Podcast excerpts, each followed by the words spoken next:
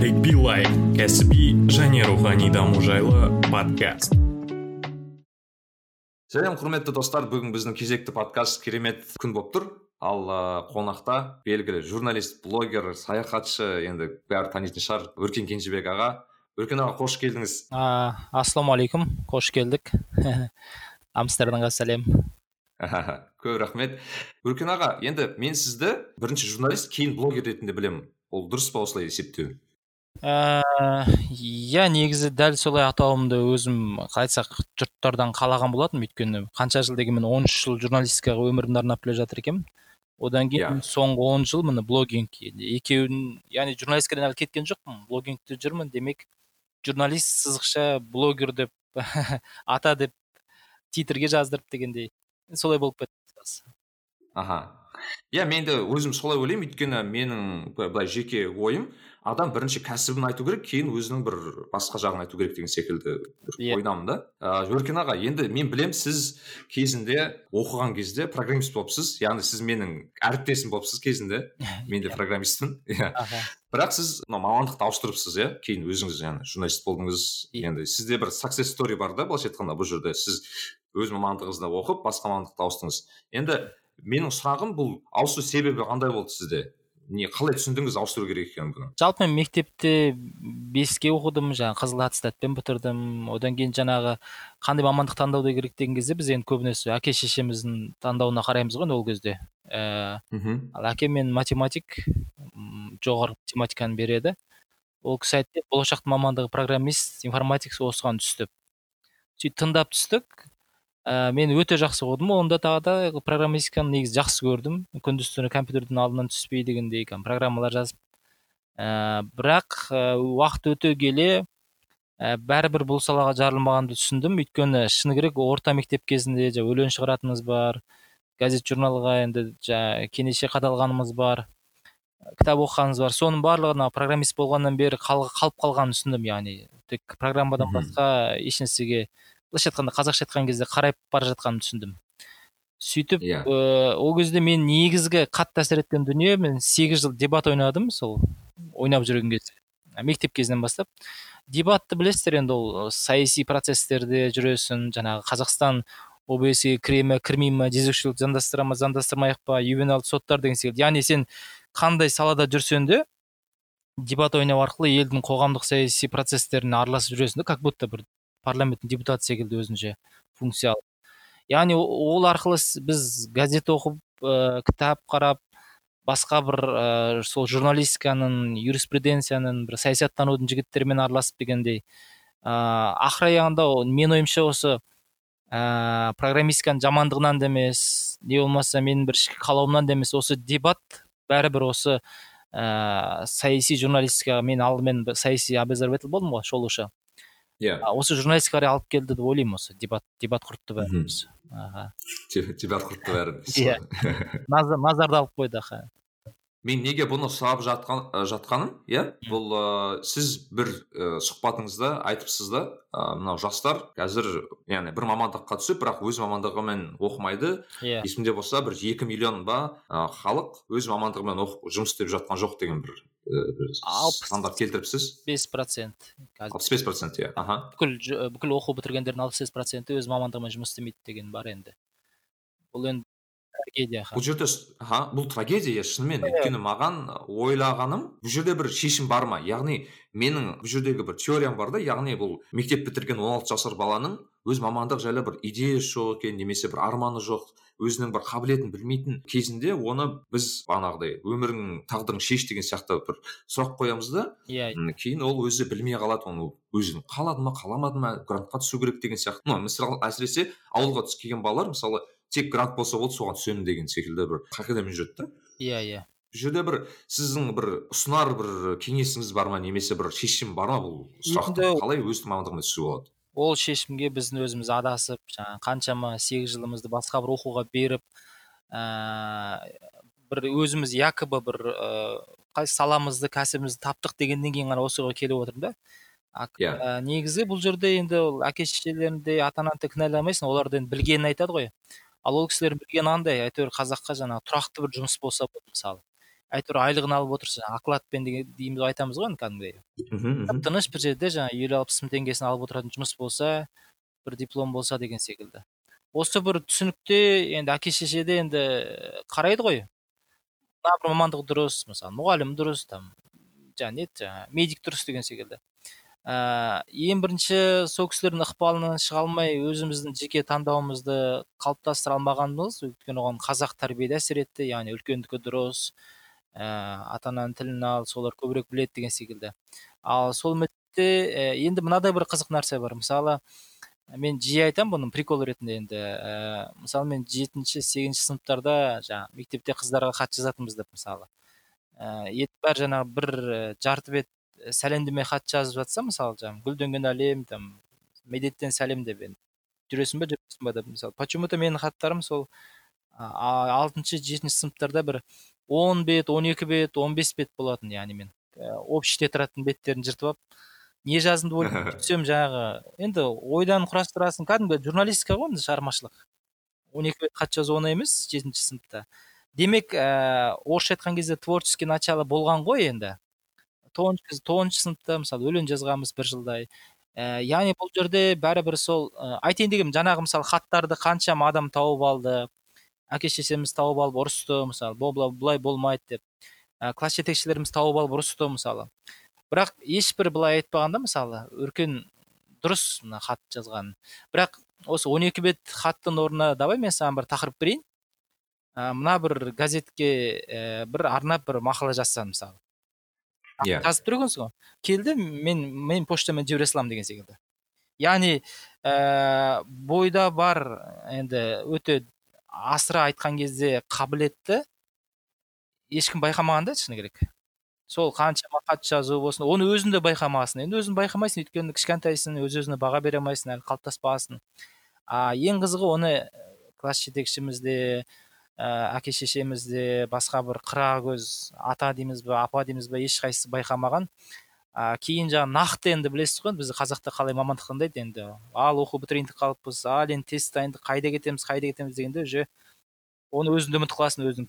Неге жаралғаныңды қай нәрсеге ебің бар екеніңді сондықтан да мен беретін кеңесім ол ә, әркімді өзі исламда айтамыз ғой біз енді. Алла тағаланың діні ескертумен келеді ескертілмеген қауым жоқ деген секілді. Ә, адамның бойындағы қабілеті бойындағы дарыны не нәрсеге ие бар екен негізі ескертіледі былайша айтқан кезде. Маңайындағыларға ұстаздарына оны тек қалай айтсақ тани білу керек. Мысалы альберт эйнштейннің оқиғасы бар ғой білесіздер. Иә. сегізінші сыныпқа шейін жаңағы енді ол известный притча жаңағы. Оқымады екі, екі алды үш алды деп айтады ғой ешнәрсеге қызықпады деп. Сонымен бірінші бір күні бір жетінші класста оқып жүрген кезде оған бір ағасы компас сыйлайды. Сол компасқа қатты қызығады эйнштейн. Оны қалай бұрса да солтүстікке қарап көрсетеді оның ішін ашады не деген бұл ғажап құрылыс дейді да енді былай қарасаң қарапайым нәрсе ғой.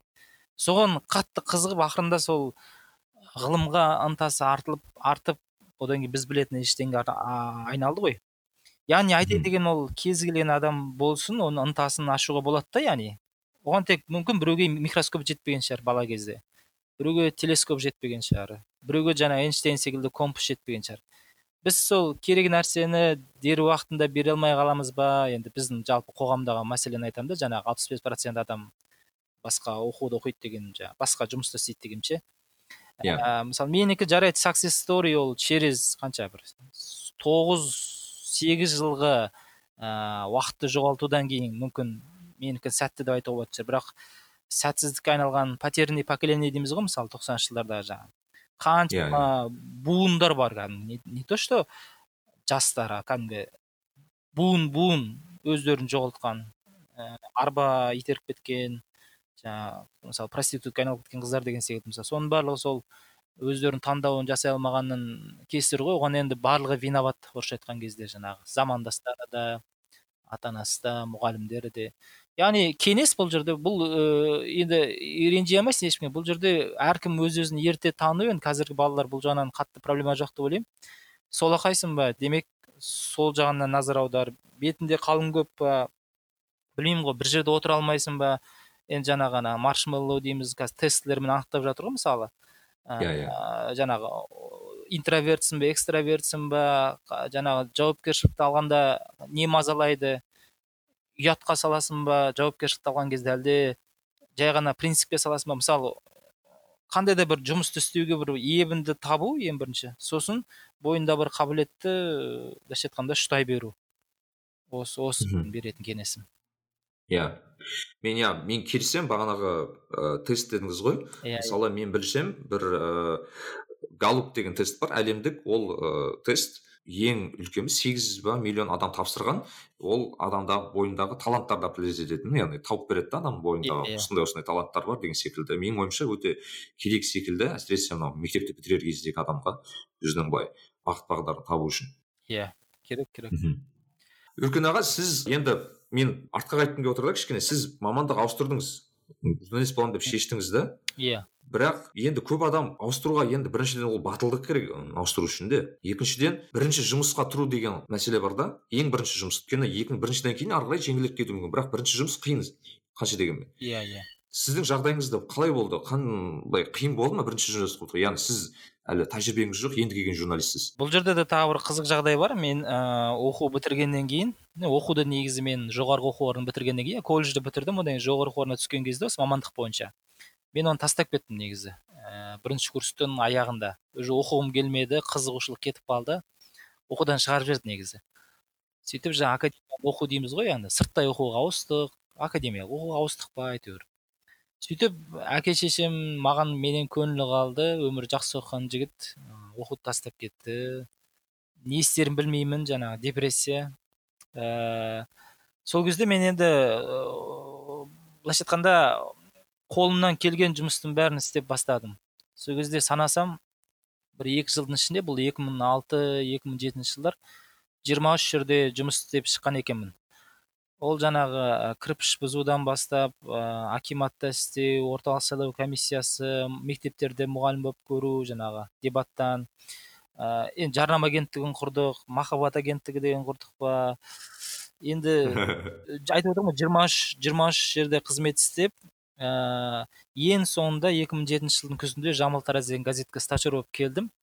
Ол кезде оның бас редакторын таныдым. Ә, сайлауда бірге жұмыс істедік. Соң ол кісіге айттым мен журналистикадан дым білмеймін бірақ осы сайлаудан кейін сізге келісемін газетке ә, үйретсеңіздер деп. Содан мен қайдан білейін ол журналистикада мына журналистиканың мектеп деген бір естігенбіз ғой бір журналистиканың бір мектебі бір ағалардың мектебі деген біз мектеп деген мектеп секілді қабылдаймыз ғой бір ұстаз болады бір қолынан біреу ұстап отырып жазуға үйретеді деп. Менде сол yeah. бір романтикалық образ болған негізі журналистиканың ше бір. Оны қайдан білейін? Сөйтіп ә, газетке келдім. Сөйтіп алғаш бір тапсырма берді мешіт туралы жаз деп. Бардым жазып келдім. А көріп келді мен жазайын деп жан жағыма қараймын. Че то ешкім маған қарамайды. Әркім өз шаруасымен отыр. Сөйтсем өзім жазуым керек екен. Одан кейін жаздым қып қызыл шимай сегіз ай жүрдім ол жерде мен жұмысқа алмады че то сен жарамайсың вообще қолыңнан ешнәрсе келмейді мына сен жазуында түсінбейміз деп.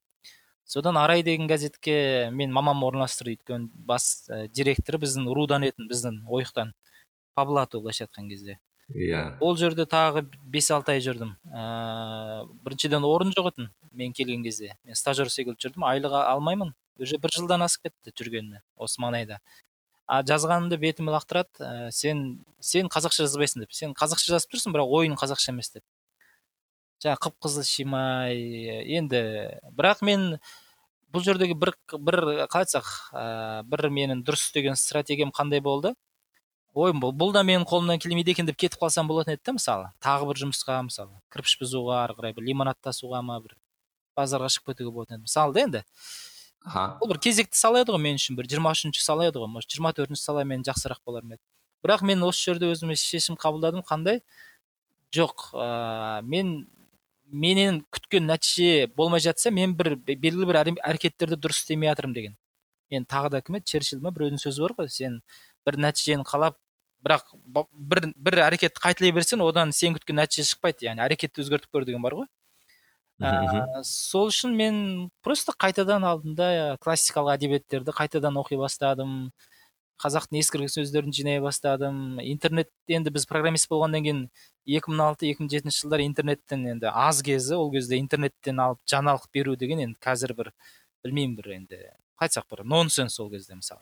Иә. сөйтіп мен өзім бір бағытымды таптым сол кездің өзінде. Ол қалай? Интернеттен алдым мысалы никола тесла деген кім оның өмірі мысалы қазақ газет қой. Ешқашан ондай материал бермеген мысалы. Леонардо да винчи әрбір ыыы екі сағат сайын он бес минуттан ұйықтап отырды. Леонардо да винчидің ұйқы ережесі деген секілді дүниелерді мен тауып бере бастадым да. Сол кезде уже басшылар мақтай бастады. Ей сен че то бір ізденісің бар екен жаңашылдығың бар екен ә, деген секілді. Көрдіңіз ба ә, торықпай бастысы нәтижені сен қалап тұрсың енді ол кезде енді журналистикаға жақын екенімді басқа нәрседен шыны керек өзім жақындықты сезбедім. Демек әрекетті өзгерту керек деп өзім ішіме үнілдім әйтпесе ренжісем сол мен ұрысқан адамдарға ә, жаңа менің жұмысқа алмаған адамдарға ренжіп кетіп қалуға себеп бастан асатын иә. Ә, яғни ә, енді бір ғана бір мақтанатын дүние мақтанатын дүние де емес бірақ мақтана салайын. Ол сол арай газетінде жүрген кезде бір жылға жетпей мені республикалық газетке шақырды сол мақалалардың арқасында жаңағы.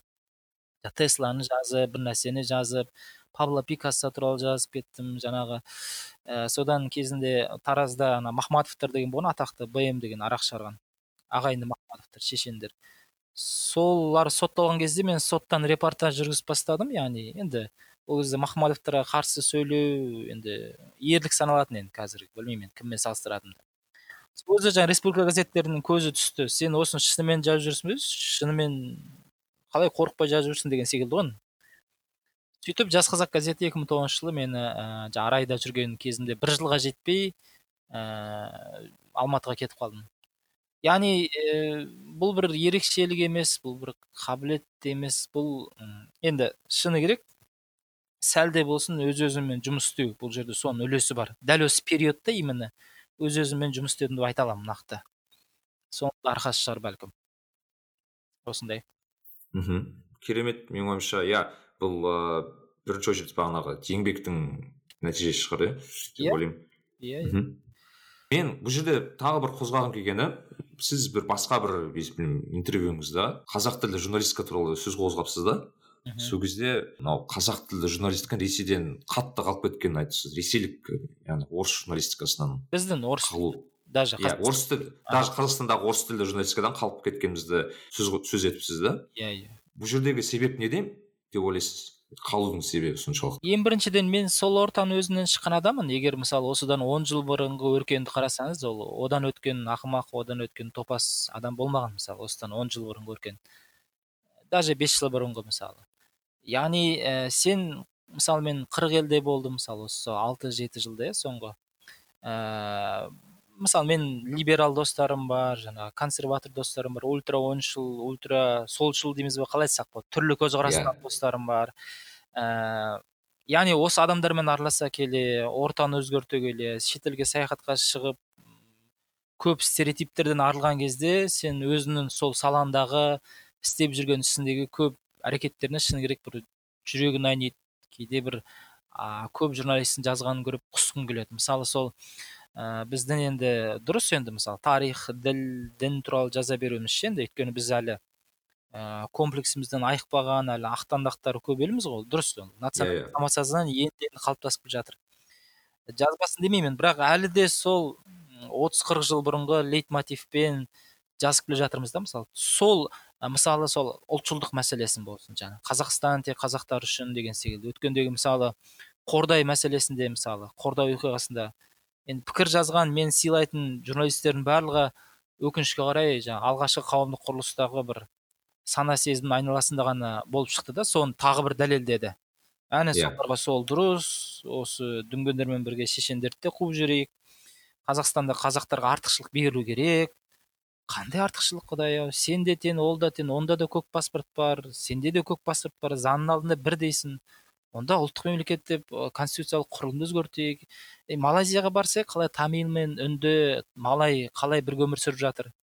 При том что это исламские государства. То есть ә, білмеймін ливанға барса е, қалай азаматтық соғыстан кейін олар жаңағы сондай бір жүйеге келісті мысалы иә президенті христиан жаңағы ә, премьер министрі мұс- мұсылман ә, парламент спикері там езид болатын деген секілді.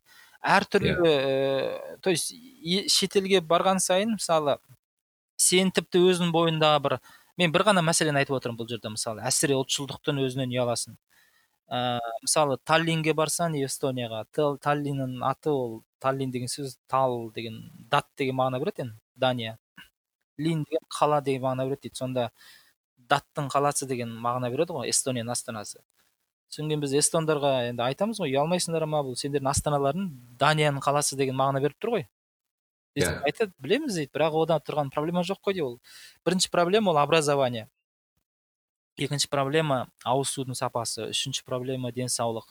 Содан кейін барып пожалуйста жүзінші очередь қаланың атын өзгертеміз дейді да мысалы. Бізде керісінше жүзінші екі жүз сексен алтыншы орында тұрған мәселелерді бірінші орынға қоямыз ғой. Ескерткіш қирату көшенің атын ауыстыру кенесарының басын әкелу шыңғыс хан приоритет дұрыс емес иә? Приоритет дұрыс емес. А бұл уақытта мысалы жаңағы жер туалеттер сол туалеттерге тасталып жатқан балалар ә, жаңағы білім сапасының төмендеп кетуі енді азғындық сол. Кеше жаңа айнагүл деген әйелді ана күйеуі бетін пышақпен тілгілеп мысалы бытышын шығарып жатыр иә, иә, иә. жылына төрт жүз әйелді қинап өлтіреді мысалы күйеулері. Жылына төрт жүз әйелді. А біз коронавирустан бес адам өлді дегенге бүкіл ел аза тұтып жатыр мысалы қазақстанда ше мысалы. Иә. Айтайын дегенім ә, басқа елдерде өркениетті елдерде бірінші кезекте тұрған мәселелер бізде жүзінші очередь кетіп қалғанда ал олар мән бермейтін дүниелер бізде керісінше лупамен қаралады мысалы. Ә, біреудің бір сөзі біреудің тегі батырлардың бір ә, жаңағы не басына кесені орнату олардың ә, жолына не жаңа асфальт төгу мысалы деген секілді. Осы ғой осыған ә, кезінде осы мәселені бізде жаздық қой. Сол кездегі деңгейіне сол кездегі жазғандарына ұяласың әрине және өкінішке қарай жыл өткен сайын тіпті сол бір надандық ә, кейде орысша айтқанда сгущается дейді ғой бір әлі қоюлап бара жатқан секілді көрінеді. Бұның бір ғана емі бар ол қазір журналистер енді айыптай да алмайсың енді достарымыз ғой көбісі. Ә, көбісінің жалақылық жағдайы нашар көбінде бір табыс мысалы ол табысы өз, өз өзін асыраудан арға жетпейді шетелге шықпайды. Ә, басқа бір ә, ортасы мысалы ортасы өзі секілді адамдар болып қалған. Ол жаңағы шлагбаум эффектісі деген бар ғой. Яғни yeah. Иә. бұрынғы алынған білім жаңа алынған білімді игеруге артық қалай айтсақ бөгет болады. Яғни мен бәрін білем деген бір не қалыптасып қалады да енді шлагбаум эффектісі. Басқа дүниеге не бөгет болып қалады. Сол тежейді иә? бұрынғы алған білімі негізі бізге зиян бұрынғы алынған білім. Бұрынғы мысалы біздің тіпті мен енді артық айтпай ақ қояйын бірақ мысалы жас алаштың кезіндегі егемен қазақстан керемет публицистикалық үлгілері бар ғой. Қазақ қайда кетіп бара жатыр? Қазақ ә, білмеймін қазақстан құрып бара жатыр деген баяғы тоқсаныншы жылдардағы зар жылаған ә, мақалалар бар ғой. Солардың өзі yeah. зиянды. Өйткені біз соларды оқыдық соны бір үздік үлгі деп ә, ойлап қалдық. Мақала жазудың публицистика жазудың. Енді соның инерциясына шыға алмай қалдық былайша айтқан кезде. Одан тыс жаңа бір ілім жаңа бір ақпаратты жазудың нәрсесін біз уже шлагбаум уже қабылдай алмаймыз. Орта ә, тұйықталып қалды шетелге шықпайды. Ә, одан кейін жаңағы қуаныш шонбай болсын басқа адамдар нені айтады? Ол жаңағы белгілі бір дүниені істей берсең сен уже миың бір автомат бәрін істейді иә жаңағы мысалы. Мхм. Жұмысқа бара берсең таңертең мысалы тұрып кейде ойлайсың жұмысқа қалай жеттім деп байқамай қаласың ғой өзі. Уже авто, автопилотқа кетіп қаласың сол секілді қазақ журналистерінің мәселелерінде тақырыптық өзгешелік те кетіп қалды. Совет одағы кезіндегі жаңағы филетон памфлет жоғалғаны жарайды. Ә, мысалы жаңағы бағана айтып отырмын ғой әлеуметтік мәселе сол жаңағы. Ауылды су басып кетті әкім қашып кетті. Жаңағы баланы мусор тастап кетті. Сосын ә, типа саяси, саяси сынаулар болжамдар жаңағы. Мәсімов не істеп отыр? Елбасы қайда істеп жатыр ә, сосын жаңағы ұлт дін рух болды. Яғни бір тақырыпты шиырлап шиырлап шиырлап анау қойлар енді жайылған кезде мысалы алдымен қалай айтсақ ақылды қойшы мысалы бірінші ә, алыс жақтың шөбін жегізеді сосын қыс жақындаған кезде ауылдың жанында шөпті жегізеді ғой. Даже шөптің өзін иә иә өрісін өзін реттейді ғой. Ә, сол бізде бір ғана бір алқапты бір ғана бір ә, шабындықты бір шиырлап қалдық та бір жаман қойшы секілді жаман қойлар секілді. Жаңа тақырыптық өзгешілік жоқ. Мысалы орыс журналистикасын қарасаң қандай ол? Экологиялық сауаттылықты айтады пластиктен бас тарту мысалы. Ә, қазақстан не отыз жылдан кейін қандай болады? Жаңа ә, китио макум еді анау ұмытып тұрмын жаңа. Жапон футурологы не деп айтты? Ә, мысалы жаңа фейсбук миды оқитын аппаратты қалай істеп жатыр? Бостон дайнамикс не істеп жатыр деген секілді. Көкжайлауды қайтарайық. Ә, бір тақырыптық өзгешелік бар да бәрібір. Мысалы азаматтардың құқық мәселесін жиі көтереді жаңағы мысалы айнагүлдің мәселесі деген секілді. Ә, вот осыған кішкене ішін ашиды енді. Ішінде басқа жерінде. Мен байқасам даже митингтардың өздерін митинг, митинг болса да орыс ыыы ә, смилар бірінші жазады соларды қазақ смиларына қарағанда. Бірінші және кішкене қалайсық енді осы сөздің дұрыс мағынасында объективтірек жазады яғни иә? Көрсетеді. Мысалы билік жақ былай айтты халық былай айтты былай деген шама келгенше енді. Бізде тағы да сол саяси мәселелер келгенде енді саяси одан гөрі жазбаған көрсетпеген дұрыс ау деп ойлап қаласың. Керісінше соны оқыған көрген адамдар одан әрі ә, адасушылыққа баратын секілді да біздің журналистердікін көріп. Иә. Өйткені біз пікір танамыз өйткені біз ә, ол жаңағы эффект данинга крюгер деген бар ғой. Адам өзіне неғұрлым топас адам болған сайын өзінің алған біліміне немесе айтып отырған пікіріне соншалықты уверенный сенімді болады дейді да. Адам yeah өзіне білімді болған сайын жаңағы сократтың айтқаны секілді ғой. Керісінше өзінің біліміне өзінің айтатын сөзіне сенімсіздеу болады әй мен қой бұны артық айтып қоярмын әй бұл қазір тағы бір бір дәлел қарап көрейін мына жеткіліксіз деген секілді. Ал бізде өкінішке орай журналистикада сол данинг крюгер эффектісі яғни ә, белгілі бір дүниені білет, бірақ соны бәрін білетіндей түрде сол пікірін жұртқа танады.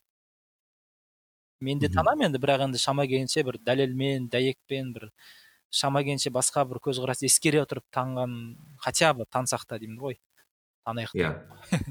Бұл анау исламдағы негасы деген үлгіге айтады ғой анау ғалым кісі анау тал, тал үлкен бір ағаш секілді білімі көбейген сайын жемістері көбейеді да төмендей береді деген секілді иә бидаймен де айтады оны иә бидайдың самы несі дәні көп болса басы иіледі дән жоқ болса басы тік тұрады деген секілді мысалдар иә иә иә мхм менің ә, мысалы осы рес, әсіресе ресей журналистикасына байланысты мысалы маған медуза деген ә, не ұнайды да ыыы иә ана портал портал ма қалай сми дейді ғой масс медианың ішіндегі тыйым салынған иә иә бізде тыйым салынған бірақ мысалы білмеймін медузаны өзім былай бірден бір осындай бір жетістікке жеткен себебінің бірі оның ішінде жазатын тәуелсіз журналистер екен да. Иә. Яғни белгілі бір журналист жоқ басты басты дейтін редакцияда істейтін бірақ көптеген тәуелсіз журналистер. Мхм. Және бағанағы материалдар ол сол тәуелсіз журналистерден құралғаннан кейін әртүрлі болып шығады да өте. Иә. Текстте жаңашыл болып оқылады кішкене. Даже мен орыс тіл орыс тіл текстің өзін оқып отырып байқаймын да соны. Енді мен ойлаймын да соны қарап отырып қазақстанда жасау мүмкін бе? Яғни медуза секілді проект жасау. Өйткені бізде қаншама жастар бар ғой қанша дегенмен. Қазақша жаңаша жазғысы келетін бұрынғы старый школаның жолымен жүргісі келмейтін деген секілді. Иә бірақ соларға осындай бір мүмкіндік берсе яғни цензураны кішкене азайтсақ деген секілді қояйық мүмкін бе осылай жасау? Қалай ойлайсыз? Осы ол мүмкін әрине бірақ мынау цензура дегенмен сәл келіспеймін. Ол қалай? Аха. Осы біз сұрақты максим шевченко деген мен сүйікті режиссер режиссер деппін ғой ә, журналистім бар. Журналист иә иә. сол осы қазақстанға келген кезде сұрақ қойғанбыз сол кезде айтады осы сөз бостандығы деген шектеу бар бізде қазақстанда қалай айналып өтеміз десек сол күледі да мысалы сталиннің кезінде әлемдегі ең сұлу архитектураның бірі салынды. Мысалы сталинский ампир деген стиль анау москвадағы высоткалар ана мпудың ғимараты сыртқы істер министрінің ғимараты бар ғой кәдімгі сталинский yeah, высотка. Ә, соны айтады да яғни сталин заманында ол сәулетші болсын журналист болсын кім жазушы болсын цензура бәріне бірдей болды. Сен бұрынғы қалыптан артық ешнәрсе жасамауың керек еді. Бірақ олар каким то образом сол қалыпты айналып өтті дейді да яғни. Өнер ретінде ұсына алды яғни өздерінің бәрібір шығармашылық ә, самовыражение өздерінің бір шығармашылық ыыы қалай көзқарасын дәлелдей алды. Сондықтан мен айтайын дегенім жаңағы медуза секілді мысалы түрлі стильмен мысалы кеңес одағы кезінде де ә, цензураның керемет түрі болса да мысалы жаңағы памфлет филетон жаңағы түрлі жанрлар арқылы бәрібір мысқылдады ғой мысалы. Ә, тіпті киноларда да жасырын детальдар енді ол жайлы көп әңгіме бар ғой енді жаңағы қысқарып қалған детальдар сонда да өтіп кеткен экранға ә, бір мысалдар аллегориялар мысалы теңеулер арқылы айтатын нәрсені айтты бәрібір. Ә, өткенде жаңа нұрбек бекбай айтпақшы менің атым қожа деген мысалы енді кітап ше соның Иә. тақырыбының өзі негізі менің атым қожайын деген де меңзейді ғой деген секілді мысалдар бар енді. Шын ба өтірік па білмеймін айтайын деген негізі мықты креатившіл адам болса ол кез келген цензураны айналып өте алады енді. Тікелей мағынасы Иә. емес былай ауыспалы болсын. Сондықтан ол бір себеп деп ойлаймын. Жаңағы мықты компьютер жоқ ыыы деген секілді бір себептің бірі. Ә, а бұл жерде жаңағы мынадай бір мәселе бар. Мысалы осыдан бірнеше жыл бұрын грузияда халықаралық журналистика мектебіне бізден бір екі журналист кетті. Мықты журналист аты жөндерін айтпай ақ қояйын Ә, сөйтіп оқып келді грузияға барып. Енді қазіргі заманғы журналистиканың талаптарын жаңа сен айтқандай. Сөйтіп оқып келгеннен кейін ол екеуі де былайша айтқанда журналистикадан шеттеп қалды. Неге? Өйткені бұрынғыша жазайын десе ұят. Өйткені жаңа ә, білімді алып қайтқан енді. Бұр- өздерінің бұрынғы жазғандарынан ұялады. Ал жаңа жа- жаңаша жазайын десе өздерінің алған білімдерімен. Ол форматтағы не жоқ? Медиа басылым жоқ. Шығара алатын сөйтіп құр босқа ә, былайша айтқан кезде екеуі де игі мақсатпен журналистиканы дамыту мақсатымен кеткен. Бірақ екеуі де келген кезде былайша айтқанда қазіргі журналистиканың қалыбына сай келмей қалды. Әлі де менің ойымша осындай формат қалай айтсақ осындай бір проблема бар яғни. Бізде мысалы колумбо университетінде оқып келген жаңағы жігіттер бар қазір енді әлемдегі нөмір бірінші санады ғой енді журналистика бойынша колумбо университеті. Шетелде оқып келгендер көп қой қазір ә, лидсте оқып келгендер енді европада оқып келгендер. Бірақ олардың бір жарқ етіп өздерінше бір медиа агенттік құрып ә, хотя бы степ секілді жаңағы орыстардағы жаңағы хола ньюс секілді ең болмаса енді орыс тілді аудиториядағы. Өйтіп м, әрекет етіп жатқанын әзірге байқаған жоқпын. Және үшінші мәселе оған қызығатын біріншіден инвестор жоқ. Қазақ тілді аудиторияның көсегесін көгертейін деген. Бізде инвестиция сол не тойхана салуға кетеді не сауна салуға кетеді одан артылмайды енді қазақ байларының ақшасы өкінішке қарай. Негізгі себептер осы деп ойлаймын. Мен осы алдыңғы бір подкасттардың бірінде руслан меделбек деген осы азаттық радиосының журналисті. Иә білемін ғой сторителлингті қатты қозғаған еді сол кезде. Яғни қазақ тілді журналистиканың сторителлинг жоқ деген бір аргумент келтірген еді да өйткені бізде яғни орыс журналистерін оқысаң кәдімгідей бәрі сторителлингтің заңдарына сәйкес келеді дейді да. Иә иә. Қазақ тілді ол ол жоқ деген секілді бір аргумент келтірді. Ол сіз келісесіз бе осымен? Сторителлинг ә, ол мынадай мағынада егер нақты бір адамның мысалдарында болады ғой мысалы орыс тілді журналистиканы қарасаңыз мысалы бір иван мысалы ә, кеше кск ның ақысын төлемеді сосын анау сотқа берді деген секілді бір бір оқиғаны айта отырып жалқы жалқы проблемадан жалпыға шығады ғой. Мхм. Бізде ә, сын болсын бізде бір мәселе болсын адрессіз яғни ауа жайылған дейміз ғой енді аморфты бір ұстайын десең ұстай алмайсың бір слишком масштабный ал орыс тілді журналистиканың жаңағы сторителлинг деген сол ғой. Яғни жел бек кішкентай бір адамның проблемасын бір бір иттің проблемасын айта отырып бүкіл қазақстан мәселесін айту мүмкін да бүкіл әлемнің мәселесін айту мүмкін. Яғни бір мысалды айта отырып басқа бір үлкен дүниені айтады. Сторителлингтің өзі мақсаты да сол ғой. Сіз ә, бір қызықты дүниені оқып отырған кезде аяғы неге апаратынын білмейсіз да ол. Былайша айтқан кезде қармақ дейміз ба тұзақ дейміз ба? А бізде ол тақырыбынан да алғашқы лидінен ақ ә, соңғы финалында не болатынын біліп тұрасың. Содан кейін оқылмайды. Яғни әйтпесе сторителлингті бізден артық білетін халық жоқ қой негізі. Қазақтың әңгімешілдігі жаңағы қиыннан қиыстыратыны енді баяғы билердің шешендердің сөзді мақтанамыз ғой. Бірақ Иә. сол ә, оқырманды қызықтыру мәселесінде тың формат жаңа форма подача ә, бағана айтып отырмын ғой жаңағы. Белгілі бір тақырыптарды шиырлай берген соң ол ол ә, ә, форматтар бұрын болған мысалы. Кезінде нұртөре жүсіптер шерхан мұртазалар мысалы форматтар ұсынған мысалы жер туралы жазудың қыз туралы жазудың. Бірақ енді сен бір бір тақырыпты шиырлай берген соң енді ол, ол жердің есте таусылатын шығар енді. Қалай айтсақ подачасы. Енді қанша Иә. жерден креатившіл болсаң да сондықтан да бұл бағанағы тақырып алуандығы яғни соның жоқтығының кесірі даже осы бір саланың тақырыбының өзіне келіп жатыр да то есть. Осы ғана деградация. Осындай? Сторителлингтің бізде мынандай енді мен журналистикаға байланысты соңғы сұрағым өзіңіз енді журналист ретінде қандай журналистті үлгі көресіз? Мен тек қазақстандық емес жалпы әлемдік журналистиканы айтамын так енді журналистикадан орыстардан мен енді кім ә, максим шевченко енді ол кісі баяғыдан бір үлгі тұтады. Иә мен де оқимын. Иә енді қазір кейінгі кездері сәл кішкене қалай айтсақ қатқылданып кетті сәл білмеймін не үшін екенін енді. Ресейдің ішкі саясаттары шығар өзі білмедім бірақ жалпы позициясы ұнайды сосын менде мынандай бір позиция бар ә, дұшпаннан түк тартсаң да пайда деген менің апамның айтып отыратын мақалы бар еді. Яғни мысалы владимир соловьев енді елдің бәрі ұнатпайды оны жаңағы сионист пророссийский жаңағы еді кремлевский соловей деген секілді. Бірақ мысалы мен соның ютубтағы ә, жастарға беретін лекциясын қарап өзіме керек тіпті кейбір журналистерден алмаған көп нәрсені содан алдым тіпті заочно. Ол мысалы адаммен сұхбаттасып отырған кезде адам сұхбат бергісі келмей отырса адамның ә, екі көзінің ортасына қарап отыр деген секілді нәрсені мен мысалы содан бірінші білдім. Ә, болмаса ә, тағы бір көп мысал бар. Мысалы жалқаулықты қалай жеңесің десе жалқаулықты сарандық арқылы жен яғни бір жаман қылыққа екінші жаман қылығыңды қарсы қой деген секілді андай еврейский бір логикамен жауап береді да. Яғни айтайын деген ол ә, жақсы журналист деген үлгілі журналист дегенде мен былайша айтқанда кез келген тіпті жаман деген адамның өзінен де бір үлгі алуға болады. Жаңағы жаман деп отырған мен соловьевтің мысалын айтып отырмын. Енді түсінікті дуч болсын жаңағы басқасы парфенов болсын.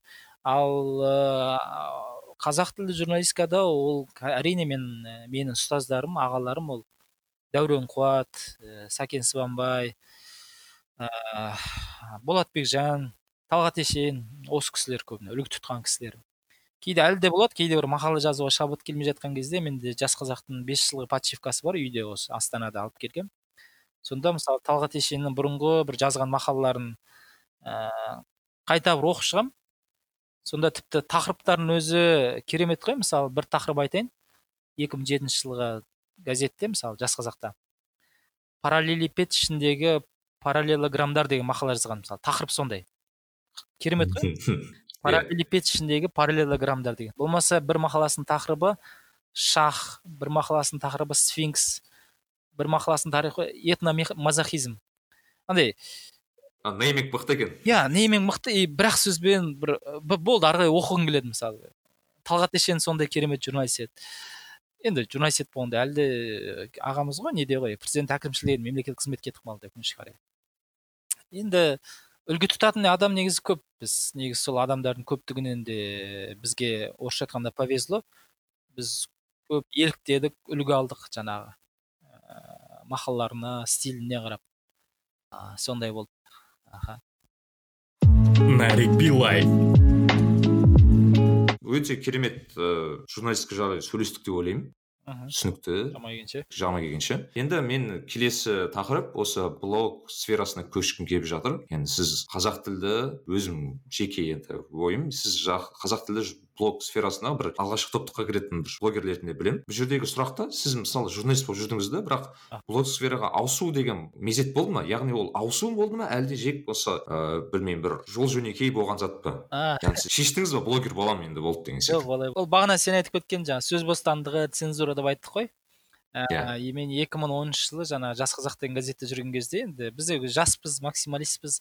Газетке мақаламыз береміз. Ертеңіне қарасам бүкіл тақырыбы да ойы да өзгеріп шығады енді. Ол ол да дұрыс қой енді. Біз біз қайбір керемет журналистпіз ол кезде. Үндейді ғой біздің үстімізде. Иә.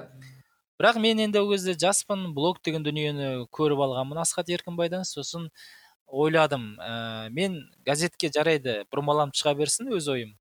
А менің оригинал яғни құйылып түскен шығармам мақалам ол жаңағы ә, неге? Блогыма салып отырамын деп. Негізі бірінші сондай цензураны айналып өту мақсатында ашылған болатын блогтарым. Кейін ә, қарасам ол кезде бойдақпыз уақыт өте көп и өте көп дүние қызығатынбыз. Бұл менің басымда проблема. Мен музыкадан бастап енді кино машина білмеймін енді ракета. Ғарыш ғарыш деп сіз бірге иә енді қызықпайтын нәрсенің бәріне қызықтық енді.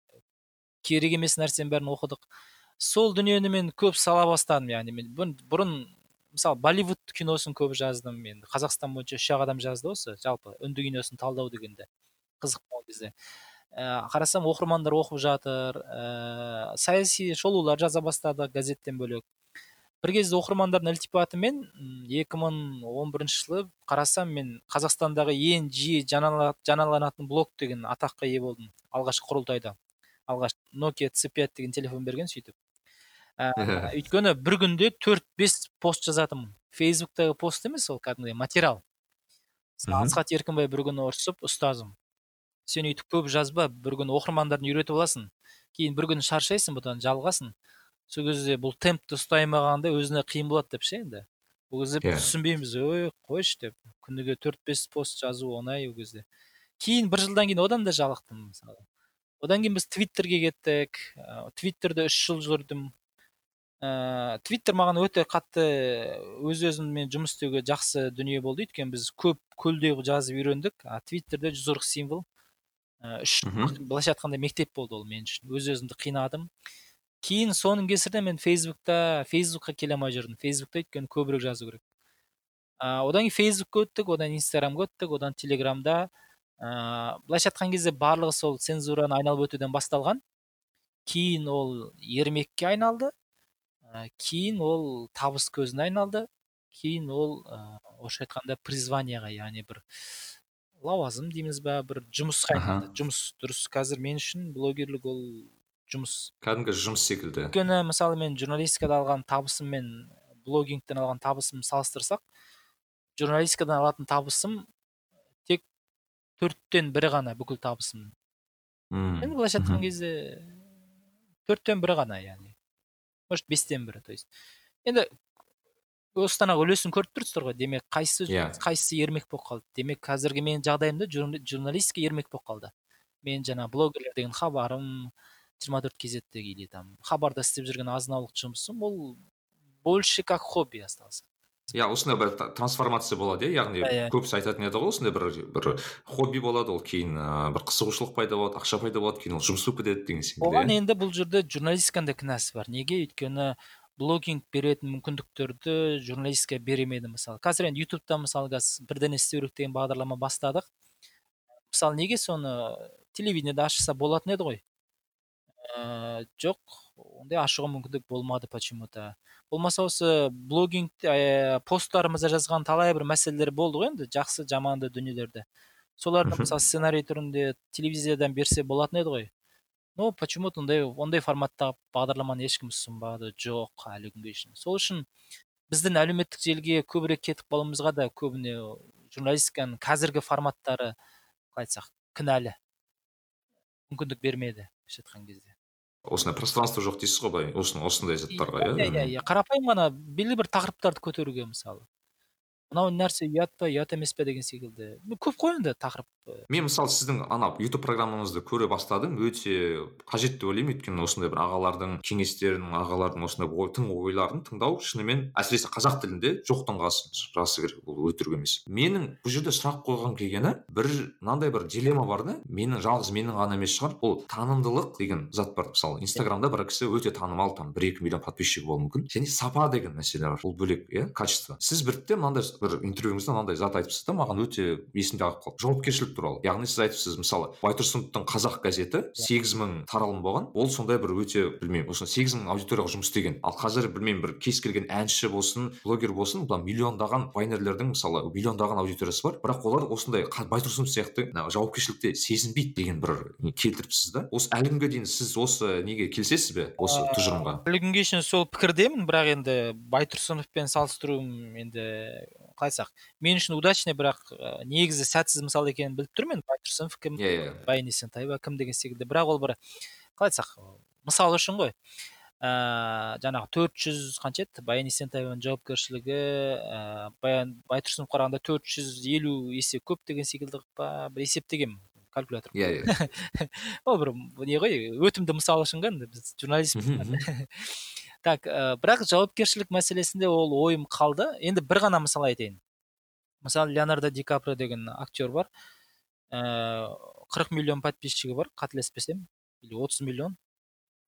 Сол мысалы өзінің әдемі яхтада жүрген суреттерін ә, жаңағы киноға түсейін деп жатқан кезде кадрларын салып жүрсе жүре беретін еді ғой мысалы басқа актерлар секілді. Ол жаңа экологиялық активист жаңағы амурский тигр жойылып бара жатыр ойбай.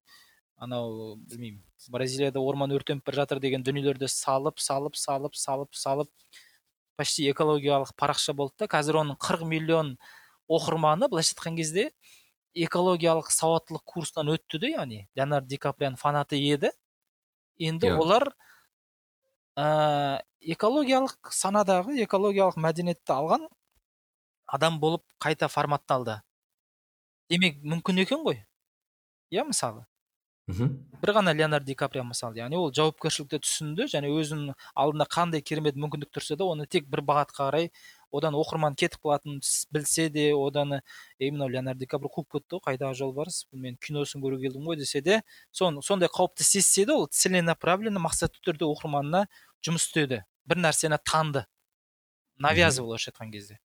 Иә. Сол ы, мен, менде де сондай дүние. Мысалы мен ә, әлеуметтік желідегі ақша табу атақты болу ол бәрібір екінші үшінші пландағы дүние. Бірінші пландағы дүние ол әлі өзгерген жоқ. Сол 2010 жылдан бері ә, блог бастағаннан бері яғни оқырманға ә, бір пайдалы дүниені ұсыну. Өйткені біз журналист деген миссияны алғаннан кейін мойнымызға енді. Дәрігерлердің гиппократ анты деген секілді бізде қандай ант бар? Ол оқырманның көзін ашу санасын ояту пайдалы дүние ұсыну.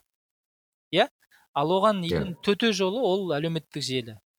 Ә, оны әдемі фотомен бересің оны бір саяхатқа деген мотивациясын ашасың оның жаңағы байзақова қатысты көзқарасыңды айтасың білмеймін ғой енді бір түрлі мәселелерге қатысты көзқарасыңды ашып мен кейде кейбір мәселені жазғым келмейді. Бірақ ойлаймын ай осы мәселеде қазір оқырмандар қазір дел салып отқан шығар қазір. Е, қалай қай пікірге тоқтарын білмей. Иә. Сол кезде мен енді өзімді қинап бір пост жазамын мысалы. Болады ғой бір мысалы шахтерлар мәселесі. Білмеймін ана бес қыздың өртенгеніндегі мәселе деген секілді дүниеде енді жазғым өте өзекті мәселелерді айтасыз ғой иә бұл жерде бәрінің аузында жүрген. Иә иә. Мен өйткені оны жаза берсең тағы рашев секілді болып кетесің жаңағы әрбір өзекті мәселені жазып жаңағы ұпай жинайтын дейміз ғой айтсақ болады жаңағы. Хайп жинап жүрген сияқты иә, ма? трендтегі мәселеге типа пікір білдіріп мынау не істеп отыр че за это дела деген секілді. Ондай болғым келмейді бірақ кейде амал жоқ оқырмандарды ойлайсың да сосын мені тек бір әдемі фото бір ә, или болмаса бір стори үшін оқып жүрмеген шығар. Бір белгілі бір қоғамдық саяси пікірлерім үшін оқып жүрген шығар деп амал жоқ өзіңді қинайсың. Бір пост жазуға. Енді сіз сенесіз бе яғни оқырманды тәрбиелеуге болады деген сөзге? Әрине болады. Енді ол жүз процент мүмкін емес. Бірақ саған ә, миын былайша айтқан кезде санасын сен тапсырған оқырманға ә, белгілі бір дұрыс модельдерді қалыптастыруға болады мысалы сол саяхат мәселесін алып қарайық. Енді ол тақырыпқа әлі келмесек те ә, белгілі бір ел жайлы стереотиптер бұзасың. Мысалы мен былтыр моңғолияға барған кезде ә, моңғолияға барамын деп алғаш стори салған кезде жұрттың бәрі жазды. Ойбай онда не бар? Жындысың ба? Дала киіз үй жылқы там топырақтан басқа не бар? Не қызық бар ол жақта? Потом Иә. мен төрт ақ күн болдым бірақ төрт күнде қанша енді бір он он бес пост үш жүздей стори салыппын. Сол кезде соңында бәрі айтты мәссар ұлан батыр деген кәдімгідей небоскребі бар. Астана секілді қала екен ғой. Не деген ғажап табиғат қандай әдемі көлдер ә, мысалы анау тоны көктің ескерткішін ә, көрген кезде бізде ол жақта қазақтар болған ба? деген секілді. Енді айтайын деген адамдардың көзін ашасың. Ол тек бір елдің мысалында. Ә, осының арқасында адамдардың қалай айтсақ қазақ қазақтан да басқа халық бар қазақстаннан басқа да ел бар.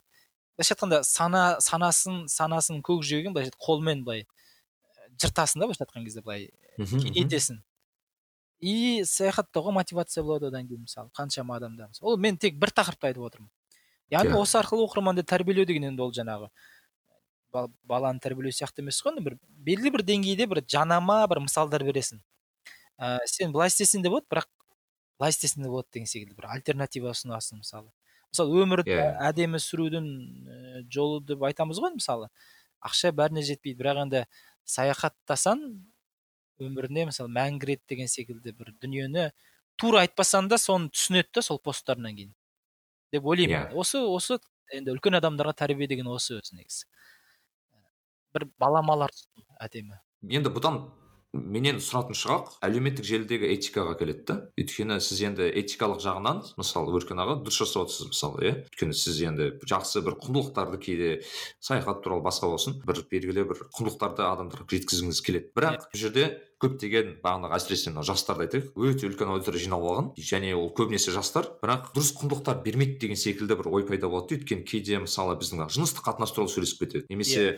боғауыз сөз айтады. Немесе бір білмеймін енді анау ішімдік ішкен кездерін суретке видеоға салады деген секілді. Сондай да басқа бір нелер келтіреді да и мені мысалы өзім жеке қатты ойландырды өйткені менің оны көріп жатқан ауылдағы іні ағаларым бар. Інілерім бар ағаларым бар білмеймін. Енді олар ондай құндылықтарға жақын емес та ол қазақ аудитория ол біздің қазақтың құндылығы бар адамдар. Ананы қарайды да ойлайды мен осындай болу керек па? немесе ана жиі көре берсең де адамда бір пайда болады ғой ет үйреніп кетеді оған дұрыс иә. екен ғой деген секілді. Яғни бұл жердегі ол дұрыс па? Енді әрине бізде бір интернетте бір анағы этика мәселе өте бір субъективті зат қой былайша айтқанда жалпы жоқ қой. Ашық деген жоқ иә жоқ десе болады иә. Бірақ ол қаншалықты дұрыс деген мәселе сұрақ та бұл жерде ол дұрыс болмағанында. енді мен түсінуге тырысамын мысалы жаңағы дучтың өзі мысалы боқтап сөйлейді или ә, мысалы қанша ақша табасың деп сұрап келе жатады да сіз мастурбациямен айналысасыз ба? деп айта салады мысалы ше бір үлкен сыйлы адамнан ше. Ол ә, неге ондай әдейі провокацияға барады? Ол да біліп отыр ғой этика енді сауатты адам ғой. Бірақ ютуб оқырманын былайша айтқан кезде провокацияға апартады яғни. Келесі мысалы мен дудты көріп отырған кезде келесі оқырманнан мысалы ә, білмеймін ол жаңағы кім еді? Никита михалковтан мысалы ол туралы сұраймын екен жаңағы анау туралы. Деп бір интрига қалдырып қояды да бір. Сосын мысалы қазір өкінішке қарай орыс ютубын барлығы мысалы жаңағы что было дальше? қазір елдің бәрі көреді иә мысалы жаңағы біздің сабуров иә иә. жүргізетін или там жаңағы соболев болсын анау ә, басқа бір шоуларын қарасаңыздар там русский мат дейміз ғой бір. Сол бір қайтадан бір тоқсаныншы жылдардағы дүние еді бір вроде бы артта қалған олар үшін пройденный этап болатын. Ол қайтадан бір қазір сәнге енді. Енді оны өздері түсіндіреді типа бір билікке қарсылық бір бір қайсақ бір ә, қарсылықтың бір бейформалды түрі бір қайсақ ә, ешкімге зиян келтірмейтін түрі деген секілді. Бірақ бәрібір қандай атпен атасаң да ол боқтың аты боқ та ол сен сыртын немен жапсаң да оны сыртын бал бал қоссаң да боққа сол секілді ол мысалы біздегі жаңағы қайрат болма адам болсын сериалы болсын ә, болмаса қазіргі енді жаңағы неше түрлі пранк ә, видеолар бар мысалы иә жаңағы таксист болып қыздың емшегін ұстай салу деген секілді енді. Ә, түсінесің подстановка екенін бірақ оның барлығы адамның бойындағы бір ә, онсызда әрең тұрған бір арсыздық бір жыртқыштық ә, бір тағылық мінездерін ашуға соны өзі жеткілікті да мысалы. Ә, мұхамеджан аға аға тазабек ағамыз жиі айтатын бір мысал бар ғой мысалы анау жігіттер қыздарды сындырғысы келген кезде алдымен сол ортада бір анай анекдоттар айта бастайды дейді пошлый анекдоттарды ше енді бір yeah. Иә. қыздың бірінші құлағын үйрету үшін сосын ә, одан кейін ә, жаңағы анекдот айтып болғаннан кейін әбден құлағын сіңіргеннен кейін сондай сөздерге одан кейін бірін бірін боқтап ә, матпен сөйлесе бастайды дейді ей шешенің ей әкенің деген секілді е бір нәрсе болмашы деген секілді ше жаңағы п дан келетін мысалы болмашы деген секілді. Яғни бірінші құлағын үйретеді одан кейін қыздың духын түсіреді содан кейін ары қарай енді ей пәленшенің несі жүр кеттік деген кезде мысалы ілесе салатын бір айтсақ манипуляцияға апарады дейді да мысалы сол секілді ютубтағы инстаграмдағы жаңағы боқ ауыз болсын жаңағы жыныстық қатынас тақырыбындағы әңгіме болсын әзіл түрінде болсын сол бір жынысты неке ретіндегі әзіл болсын жалпы қандай бір бейәдеп форма болсын ол сол ә, бағанағы форма секілді жұмыс істейді. Яғни адамның құлағын үйретеді кейін ә, ол әрекет ол үшін бір қалай айтсақ бір нонсенс бір тағылық бір қалай айтсақ бір жаман әрекет секілді болып қалмайды. Оған бір әзілмен қарайды кейін үйреншікті болып қалады кейін соны істесе де ешнәрсе болмайды. Оған бір қалай айтсақ ешкім не осуждает айыптамайды деген бір ұғым қалыптасып қалады. Қалыптасады то есть ұғым қалыптасады а соның барлығы негізі әзілден басталады да. Сондықтан мен бір сұхбатымда айтқан едім. Мысалы мен ә, ватсаптан келген приколдарды көрмеуге тырысамын деп ше. Неге? Өйткені әзілдің парқын түсінбей қаласың. Мысалы сен аркадий райкиннің әзілінің деңгейі қандай? тұрсынбектің әзілінің деңгейі қандай? Болмаса ә, қоянбаевтың әзілінің деңгейі қандай? бір жек жеканың әзілдің деңгейі қандай айтайын дегенім әр нәрсеге күле берген кезде бір күні сен маманның ә, басы шауылып шабылып соны біреу видеоға түсіріп алып саған ватсаппен жіберсе сен соған да күліп жіберуі мүмкін да мысалы. Өйткені иә. мысалы анаконда бір адамды қылқындырып жатыр екен біреуді машина мыжып кетті. Енді күніге біздің көріп жатқанымыз сол ғой әзіл сосын негатив андай чернуха дейміз ғой. Прикол сосын чернуха прикол сосын чернуха. Яғни не нәрсеге тіпті қайғырып не нәрсеге күлудің шегін адам ұмытып қалады кәдімгі парықсыздық деген қазақша оны басқаша түсіндіре алмай тұрмын сонда тіпті өзінің ә, жылауын тиіс нәрсеге күліп күлуін тиіс нәрсеге жылап кетеді да адам. Бұның ақыры соған апарады сондықтан да әрине бұл жерде ақпараттық гигиена керек. Енді ол, ол адамдарға бұл ә, контентті таратып адамдарға ешнәрсе дей алмайсың енді. сот емеспіз енді министрлік емеспіз. қалаулының өзін тоқтата алмай отыр ғой министрлік енді жабылып абаевтың өзі. қалаулы біреу yeah. Иә. қазір екі басты айдаһар секілді екеу болып кетті қазір. енді оның қасында ол ютубты вообще сөз жүрмейді мысалы биліктің қазір заңдардың. Оның қасында әр адам өзіне жауапкершілік алады. Ә, ақпараттық гигиена өзіне фильтр қояды. Мысалы қайрат болма адам болман мен де қараймын. Бірақ таза ғылыми зерттеу мақсатында яғни қандай сленгтер бар неге бұл өнім жұртқа өтіп жатыр астында пікірлерді қараймын. Сол арқылы мен өзімнің аудиториямна бір ә, связь байланысты жоғалта алмаудың бір жолдарын мхм. қарау үшін ғана қараймын. То есть мақсатым оның бір боғауыз үйрену емес. Көрдіңіз бе? Бір әркім yeah. Иә. осындай фильтр қойса енді қарама демеймін бірақ бір фильтрлер болу керек. Осы жерге ше байланысты бір қызық мысал келтіре аламын. Мысалы мынау европадағы лгбт дейді ғой қозғалысы бағанағы жай бір кішкентай проблемадан бастап қазір мысалы европа елдерінде бір құдай самасын бір ә, пропагандаға айналып кетті да. Өйткені ол кішкентайдан бастап уже басында халық қабылдамады кейін оған қарсы шықты кейін оны растады. Қазір уже пропагандаға көшті да соның мемлекеттің көшуі. Әсіресе мен голланд тілінде мемлекетте өмір сүріп жатырмын ол кішкентайдан бастап осындай деңгейге дейін жетеді да. Менің ойымша иә бағанағы кез келген мәселе кез келген білмеймін жыныстық қатынас болсын басқа болсын бағанағы кішкентайдан бастап бір үлкен бір проблемаға кейін келуі мүмкін деген сұрақ да бұл жерде тағы? Иә ол бір мәселенің бір басын қылтиып тұрған кезінде жаңағы кесіп тастамасаң ол жаңағы ағаш болған кезде күш бермейді ғой мысалы діні үлкейген кезде мысалы иә шаман келмейді ғой былайша айтқан кезде. Иә. Ондай мысалдар көп мысалы жаңағы ә, польшаның мысалында мысалы польша католик ел ғой енді мысалы рим папасы шыққан ана бенедикт бенедикт шыққан енді. Өте діншіл ел негізі. Оларда әлі күнге шейін мысалы жаңағы ажырасатын болса да, да шіркеуге барып ажырасады деген секілді. Сол елдегі бір керемет баяғыда слон ұруға тамаша материал шыққан қалай лгбт ол жақта басында бір процент болады кейін екі процент кейін парламентке шығып жиырма процент жинайды кейін бүкіл заңдарын либералдандырады. Былайша айтқан кезде бүкіл әлемдегі ең діншіл елдің ә, қалай айтсақ форматын быт қылғаны туралы айналдырған сонда бір жеті сегіз жылдың ішінде. Кішкентай бір жаңағы коронавирус деген секілді ғой. кішкентай болып басталады да бір проценттермен. Кейін бүкіл жүйені өзіне лайықтап алады бүкіл құқық бүкіл ә, преференция. Иә. Э, то есть ә, адам құқығы деген өте жақсы түсінемін.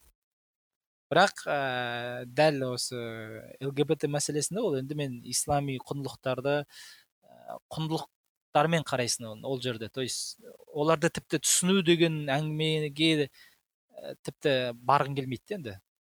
Иә бұл жерде мне кажется этиканың да бір контексті керек секілді да. Яғни сен этиканы белгілі бір контексттің ішінде қарастырасың ғой. Яғни сен қазақтың этикасы десең қазақтың құндылығы мен этиканы салыстыруың керексің деген секілді мысалы. Бағана бізге мүлдем келмейді деген секілді мынадай бір мәселе бар да мысалы көп адам айтады мысалы лгбт или жезөкше деген мәселе айтады.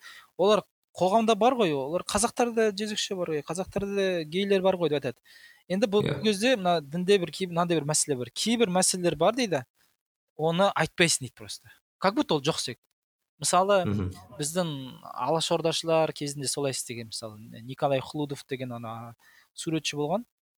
Ә, баяғыда ресейден қазір ссылкаға келген жетісу өңірінде сөйтіп жүріп ана қазақтың әйелдерінің суреттерін салған анау жүн сабап отыр текемет ә, басып жатыр и жалаңаш топлес топ да. Причем тут ә, жүн сауып жатқан кезде шешіну бізде ауылда көрдік қалай жүн сабағанын бірақ шешінгенін көрмеппіз. Енді ол оған ешқандай физикалық даже қажеттілік жоқ та бір. Иә. Бірақ енді ол бір азғын суретшінің бір қиялы шығар бүкіл суреттерін солай салған еще ол он тоғызыншы ғасыр бір мың сегіз жүз жетпіс сексенінші жылдар сол кезде ахмет байтұрсынов ә, николай хлудовтың оныншы суреті ол өмірде болмаған оның барлығы өтірік деп мақала жазады.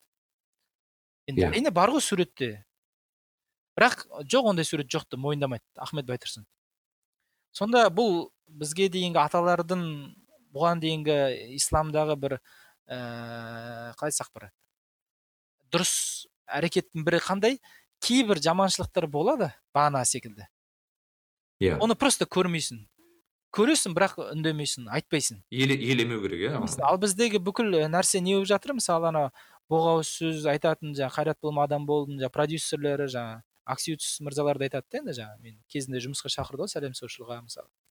Енді өмірде біз солай сөйлесеміз ғой енді біз өмірде олар бар ғой дейді да енді. Ол өмірдегінің бәрін көрсете берсін. Онда біз ә, туалетке барғанымызға да жаңағы артқы туалеттің жаңағы тесігіне онда камера қойып қояйық деген секілді ғой. Онда ол бүкіл өмірде сен бар нәрсенің бәрін көрсете бермейсің ғой. И сүннетке сәйкес кейбір нәрсені айтпайсың. Жаңағы ахмет байтұрсынов хлудовтың суреттерін жоққа шығарған секілді. Сол принцип мен де саламын яғни жаңағы мәселелерді мен просто не замечаю то есть көрмеймін. Естімеймін өткізіп жіберемін мысалы. Содан кейін мынадай бір нәрсе бар мынадай бір мәселе бар. Мысалы бізде көп фейсбуктағы адамдар ә, шулап жатады. Менің видеоларым барлығы не болып кетті деп андай. Атыс шабыс қыздарды зорлау бір порнография болып кетті деп ше андай. Адамдар не болып кетті деп жазып жатады мен сол кезде айтамын сен өйтіп ойбай жазба сен ұятқа қаласың. Сен сен бұл жерде фейсбукті кінәлама фейсбук ол өте ақылды. Демек сен сол видеоларға лайк басқасың сен сол видеоларға реакция жасағансың мысалы бір ұятсыз видеоларға мысалы сен значит лайк басқасың комментарий жазғансың даже не деген ұятсыздық деп комментарий жазсаң да сен бір реакция білдіргенсің. Фейсбук оны бір әрекет деп қабылдайды да болды енді алпыс күн бойы сондай сипаттағы видеоның барлығын саған, саған төгіп алдына шығара береді. Иә? Демек сен соны сол ә, цепная реакцияны сен өзің запускать еткенсің. Сен тиіспесе ана пәлелі жерге бармағын тықпа дейді қазақтар. Мхм. Так что сен айғайлама сен сол алгоритмді өзің түзіп алдың ғой өзіңе бүкіл негативті жиып алдың бүкіл ұятсыз нәрсеге ә, триггерді өзің қойып алдың. А тут заявляешь что фейсбук кінәлі әлемді еврейлер бәрін істеп отыр сен өз әрекетіңмен өзіне керек контент жасап алдың ғой деймін ғой. Міне міне бұл бұл уже уже сауаттылық мәселесіне кетіп бара жатырмыз енді ол жаңағы үлкен мәселені айта берсең иә бұл келісемін өйткені біз осы осыған дейін ә, бір қазақ ә, бір азаматпен болды силикон долинада жұмыс істеді как раз осы фейсбукта жұмыс істеген. Иә. Дәл осы фитпен. Иә. Иә осы туралы айтқанбыз. Иә ә, тағы бір мен қоса кетер бір қозғағым келген бір мәселе. Ол жарнама мәселесі да яғни бізде яғни этиканың контекстін айтып тұрмын да бізде ә, бір ә, әсіресе ютубта дейік букмекерлік контораларды ломбардтарды бір білмеймін тағы бір тағы бір керек емес дүниелерді жарнамалайтын проекттер көп та бар. Жоқ емес. Мен инстаграмда да бар олар. Яғни бұл жерде бір заң ба немесе бір ә, білмеймін. Белгілі бір оларды оларды тежей алатын бір зат керек пе? Өйткені ол расымен де бір адамның өмірін құрта алатын затты жарнамалап отыр. Ол енді қалай болды деген секілді сұрақ сұрақ та бұл жерде енді адам әрине өзіне байланысты шығар. Бірақ біз жақтан мемлекет жақтан бір өзгерту керек шығар деген сұрақ пайда болады да. Ол міндетті түрде керек деп ойлаймын. Өйткені жаңағы соңғы болған жағдайлар білесіздер енді. Ломбард жаңа не еді ана гарант жиырма төрт пе еді анау? Иә иә үш ломбард жабылып қанша? алты миллиард па? қанша еді? үш миллиард па? әйтеуір теңгеміз кетті ғой енді қазақтардың сорлап. Мхм. Ә, өткенде де бір ащы бір пост жаздым ғой енді бір абайдың сөзінен алып ше. Біз қазақты құртатын үш нәрсе еріншектік надандық ә, залымдық деп ше сол? Надандық қой енді. Халық халықтың бойында осыған түсе беретін жыл сайын жаңағы финансовый пирамидаға түсе береді. Бір аяғы қапқан қақпанға жыл сайын сол қақпан сол жерде тұр сол жерде екенін білет, бірақ соған барып аяғын қаптырады да. Иә. Исламда енді бар ғой енді хадис. Мұсылман бір аяғы жаңағы кірген інге екінші рет аяғын кіргізбейді яғни. Бір жасаған қателігін екінші рет қайталамауға тырысады дейді енді. Ал енді жаңағы ә, нелерге қатысты? Мысалы мен квестра деген мысалды айтайын. Осыдан екі жыл бұрын квестра деген финансовый пирамида болған. Енді депутаттарға үшін әншілерге үшін анау қарақат енді көп ақшаны салды енді. Сөйтіп ә, мен не болды одан кейін? Маған бір бір айдың өзінде екі рет ә, жарнама берейікші сіздің аккаунтыңызға деп екі рет алдап шақырды. Сөйтсем жаңағы квестран айтып отыр осылай ақша саласыз ә, дүйсенбіде салсаңыз ә, бес жұма күні отыз процентін қайтарамыз деп. Мені екі рет алдап бір айда шақырғаннан кейін менде ой түйді бұл не деген соншалықты қалай айтсақ?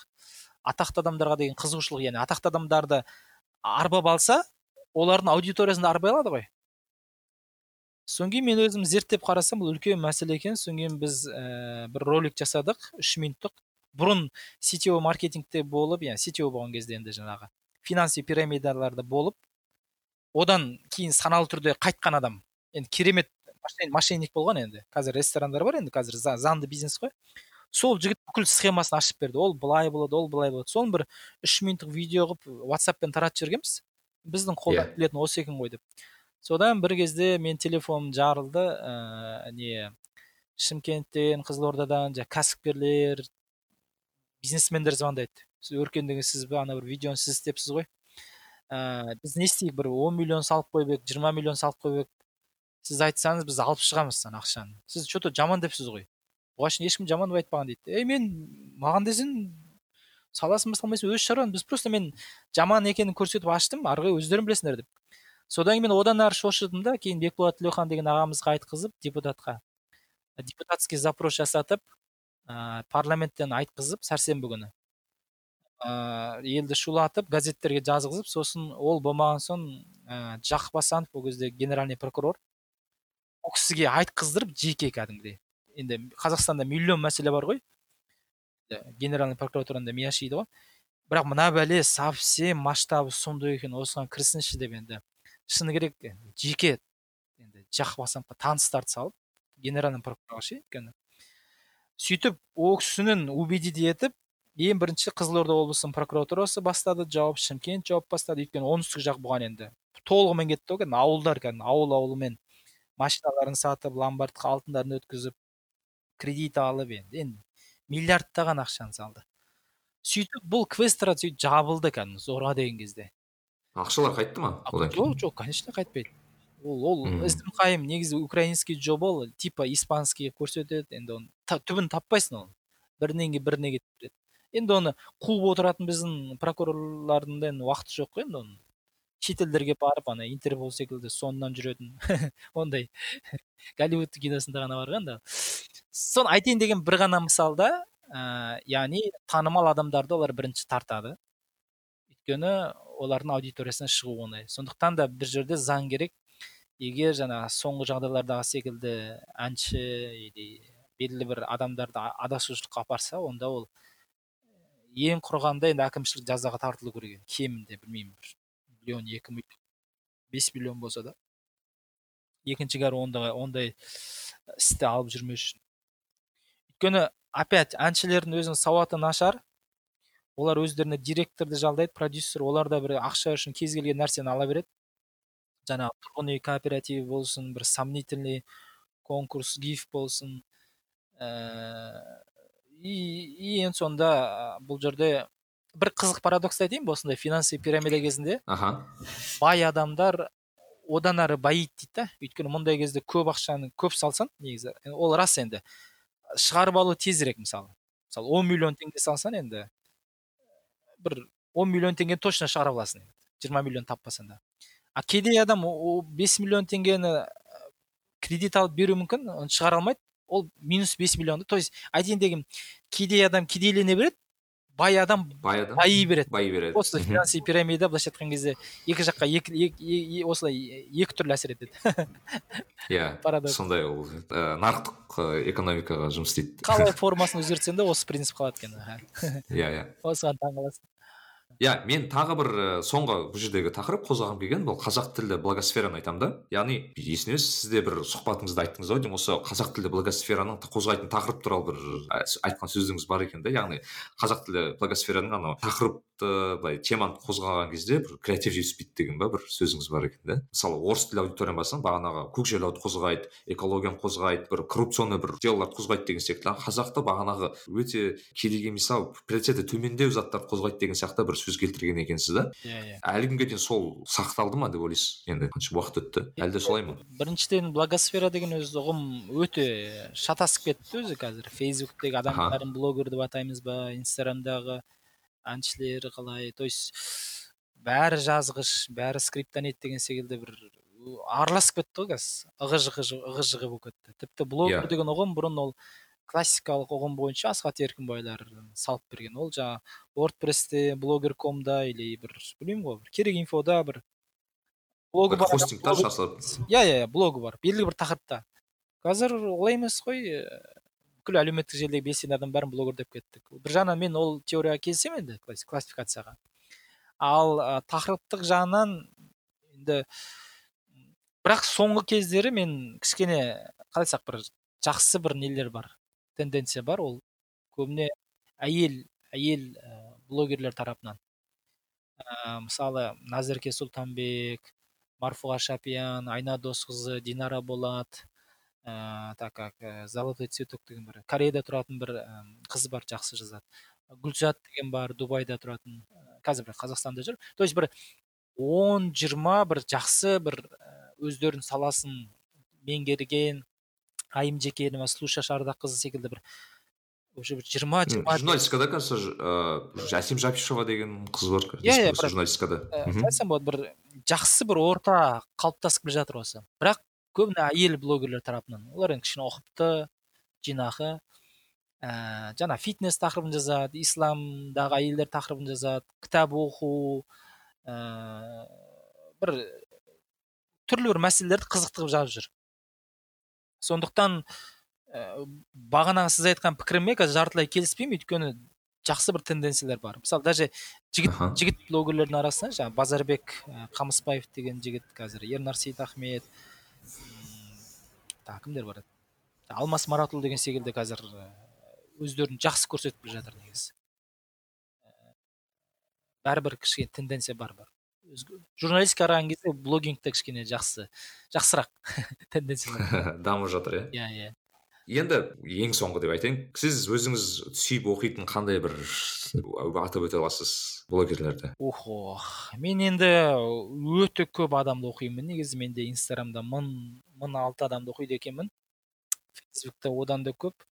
Неге? Өйткені мен бағана айтып отырмын мен журналистикада приемның бірі қандай еді? Ол әртүрлі адамдарға қарап олардан жақсысын алу бағана айттым ғой соловьев дейін джекстрон деген соловьевтің соловьевтің өзінен жақсы нәрсені табуға болады деп. Ә, енді мен әлішерді көп оқимын елікбаевты қалдырмай отырсам өйткені ә, сататын маркетинг сататын ә, пост жазу жағынан нөмір бірінші. Ә, башкенова ә, ильичева ә, жаңағы олжас құдайберген болсын енді білмеймін жохар утайбеков ә, кім бар еді тағы? Көп қой енді ой атын қазақтардан қазақтардан енді сол тимур бектұр сол қуаныш шонбай секілді енді сол классикалық жаңағы жақсы жазатындар енді. Әркім өз саласы мамандарын көбірек Иә. оқимын. Прям бір бір дәл маған бір стилі келетін дәл маған бір бір құндылықтары енді жүз пайыз келетін ондай адам жоқ енді ол мүмкін емес қой. Әркімнен өз керегімді аламын жаңағы тимур Иә. аршат болсын жаңағы динара болат болсын шоқбай болсын жаңағы әлішер елікбаев болсын. Әркімнен өзіме керегін алып жи- жинаймын. Ал өркен аға енді сіз бір кеңес бере аласыз ба? Мысалы бір адам айтайық бір блогер болғысы келіп жүр екен айтады мен блогер болғым келеді деген бір бір, бір екі ауыз ыыы кеңесіңіз бар ма сондай адамға? Осы сұрақ маған бір өтірік айтпай ақ қояйын бір дайректіме бір үш төрт рет келеді бір күнде. Қыздар жазады мысалы. Мен айтар едім нақты бір мақсат болмау керек бұл, бұл жерде. Мысалы ә, бұл бокс емес бұл бір қалай айтсақ бұл бір спорт емес. Ә, бұл жерде ең бірінші блогер болу үшін өзінің расында бір қоғамға ұсынар бір багаж бір база болу керек алдымен. Өйткені ал сен жарайды бірінші постын мен блогер болғым келеді ал маған ақша беріңдер мен шетелге шыққым келеді деп жазарсың допустим. Екінші постың кім екенін жазарсың. Үшінші постында не жазасың? Енді сен тенгринюсқа шыққан бүкіл мақалаларға реакция беріп отырасың ба жаңағы? Ой мынау жаман мынау жақсы не болып кетті маскалар қайда? Коронавирус неге тоқтамай жатыр? деген секілді. Ну разве это блогерство? То есть это же просто орысша айтқан кезде писанина. То есть ну әшейін жазу. Мен бір бір адамды айтпай ақ қояйын енді бір ііі блогер шатыс жігітті білемін жиырма төрт сағаттың ішінде мен ерінбей санадым жиырма алты пост жазды ііі шахмат туралы жазды сосын бір қандай қыздар әдемі болады деген жазды сосын ә, назарбаев не бір мына бір нәрсені дұрыс істемеді деп жазды сосын 15 минуттан кейін ә, қандай еді менің түсіме мынадай бір адам кірді деп жазды то есть 24 сағатта 26 пост жазды ну бұл бұл блогерлікке санала ма? Жоқ олай емес. То есть бұл жерде мәселе сенің нақты бір салада басқа адамдардан ерекше бір контентті өндіре алатындай қуатың болу керек. Мысалы бәрібір біз журналистикадан келдік блогингқа багажбен келдік яғни. Бұрынғы материалдарымыздың запасы болды ә, қалай айтсақ журналистика ортадағы бір инсайттарды біз блогингке алып келдік. Ей мына жақта мына бір нәрсені талқылап жатыр айдостарым кеше мынадай нәрсені айтты. Білесіңдер ме деген нәрсе мысалы блогингке жазған кезде тың нәрсе болып естілді мысалы иә иә. то есть инсайт болу керек ең болмаса. Сіз мысалы бір ерлан қариннің досы болуыңыз керек білмеймін бір саясат нұрбековтің қасында шай ішіп оны блогқа жазсаңыз кеше маған мынадай ақыл айтты. Оказывается жастар былай істейік. Болмаса бір кітапты оқыдым елде жоқ сексенінші жылғы. Кеңес одағының әдебиетінде мынадай бір дүниені болжаған екен ғой жігіттер деген осы бір yeah. Иә. контентіңізді яғни бір фишканы тапсаңыз пожалуйста бірақ мақсат біріншіден ақша табуға атақты болуға құрылса ол орысша айтқан кезде изначально обречен яғни ниеті дұрыс емес ол құйрығыңыз бірден көрініп қалады ол жерде сондықтан мақсат ә, неғұрлым ірі болса мақсат яғни халыққа пайда тигіземін енді мен әдейі айтып отырмын. То есть мақсат неғұрлым ірі болса оған сіз жетпейсіз енді түсінікті. Бірақ хотя бы ә, соның он процентін орындасаңыз да сіздің қалай айтсақ ісіңіз ниетіңіз адалырақ болады яғни. Оқырманға пайда берейін ә, жаман нәрседен тияйын жақсы нәрсені жаяйын деген секілді ниет болса блогер неге болмасқа? әрине. Мхм. Менің ойымша бұл бағанағы адамның өзінің ыыы не дейді ііі бір белгілі бір саладағы экспертизасы болу керек секілді да иә? Яғни бірақ мысалы бір нәрсе айта кетейін енді мына жеке брендинг деген мәселе бойынша тек қана ә, блогингке байлану ол дұрыс емес. Мысалы адамның офлайн өмір бар. Мысалы ал бір күні әлеуметтік желі бүкіл әлемде жабылып қалса ше мысалы серверлер күйіп гуглдың. Онда сен бүкіл репутацияңды ана орыстарда айтады ғой не клади все яйца в одну корзину сол секілді сен бүкіл күшіңді бүкіл репутацияңды онлайнға жинасаң ол жаңағы бүкіл жұмыртқаны бір себетке жинаған секілді. Олай болмайды. Жеке брендингтің ережесі бойынша сен офлайн ә, тед секілді дүниелерге шығу ә, жаңағы ютубта бір бағдарламаң болу телевидениеға шығып тұру анда санда жаңағы енді телевидение көретін адамдардың арасында да танымал болу үшін хотя бы лицом газетке мақала жазып тұру ә, офлайн бір жобаң болу яғни белгілі бір бизнес дейміз ба қуаныш шонбай секілді или бір ә, бір проектің болу керек та. Блогинг соның соның бір үстемесі соның бір көлеңкесі. Сен барсың өмірде көлеңкең бар ғой сол секілді блогинг ол сенің бір көлеңкең бірақ сен ол көлеңкені қатты зависим болып қалмау керек. Ол дұрыс емес. Өйткені біз осы блогинг болмай тұрып та өмір сүрдік қой интернет болмай тұрып та. Иә. Yeah. демек интернет жоқ. Бола қалады деген дүние вариантқа да дайын болуымыз керек негізі. Осы осы жағын ұмытпайық дегенім ғой иә анау инстаграмда бір инсайт айта кетейін анау инстаграмдағы анау көк анандай не дейді ғой анау верифайд дейді ғой? Иә иә. Птичка беретін. Сол ыыы соның алгоритмі негізі адамның оффлайндағы өмірін ескереді екен қатты. Өйткені ол тек инстаграмның ішінде ғана бағана популяр болса иә оны ол бір біртүрлі дүние деп көреді екен да олар жаңағы оффлайнда іздейді егер мысалы бағана сіз айтпақшы тедті немесе мақала жазып немесе бір гуглдағы запростарды қарайды аха. Запростарды қарайды иә иә. Сол кезде болса яғни ол мысалы бізде білмеймін марғұлан ағаны мысалы сөйтті олар. Аха. Қарасам марғұлан аға өте өмірде де бизнесте де барлық жерде мысалы баланс. Ыыы баланс бар иә. Иә нарик билай кәсіби және рухани даму жайлы подкаст.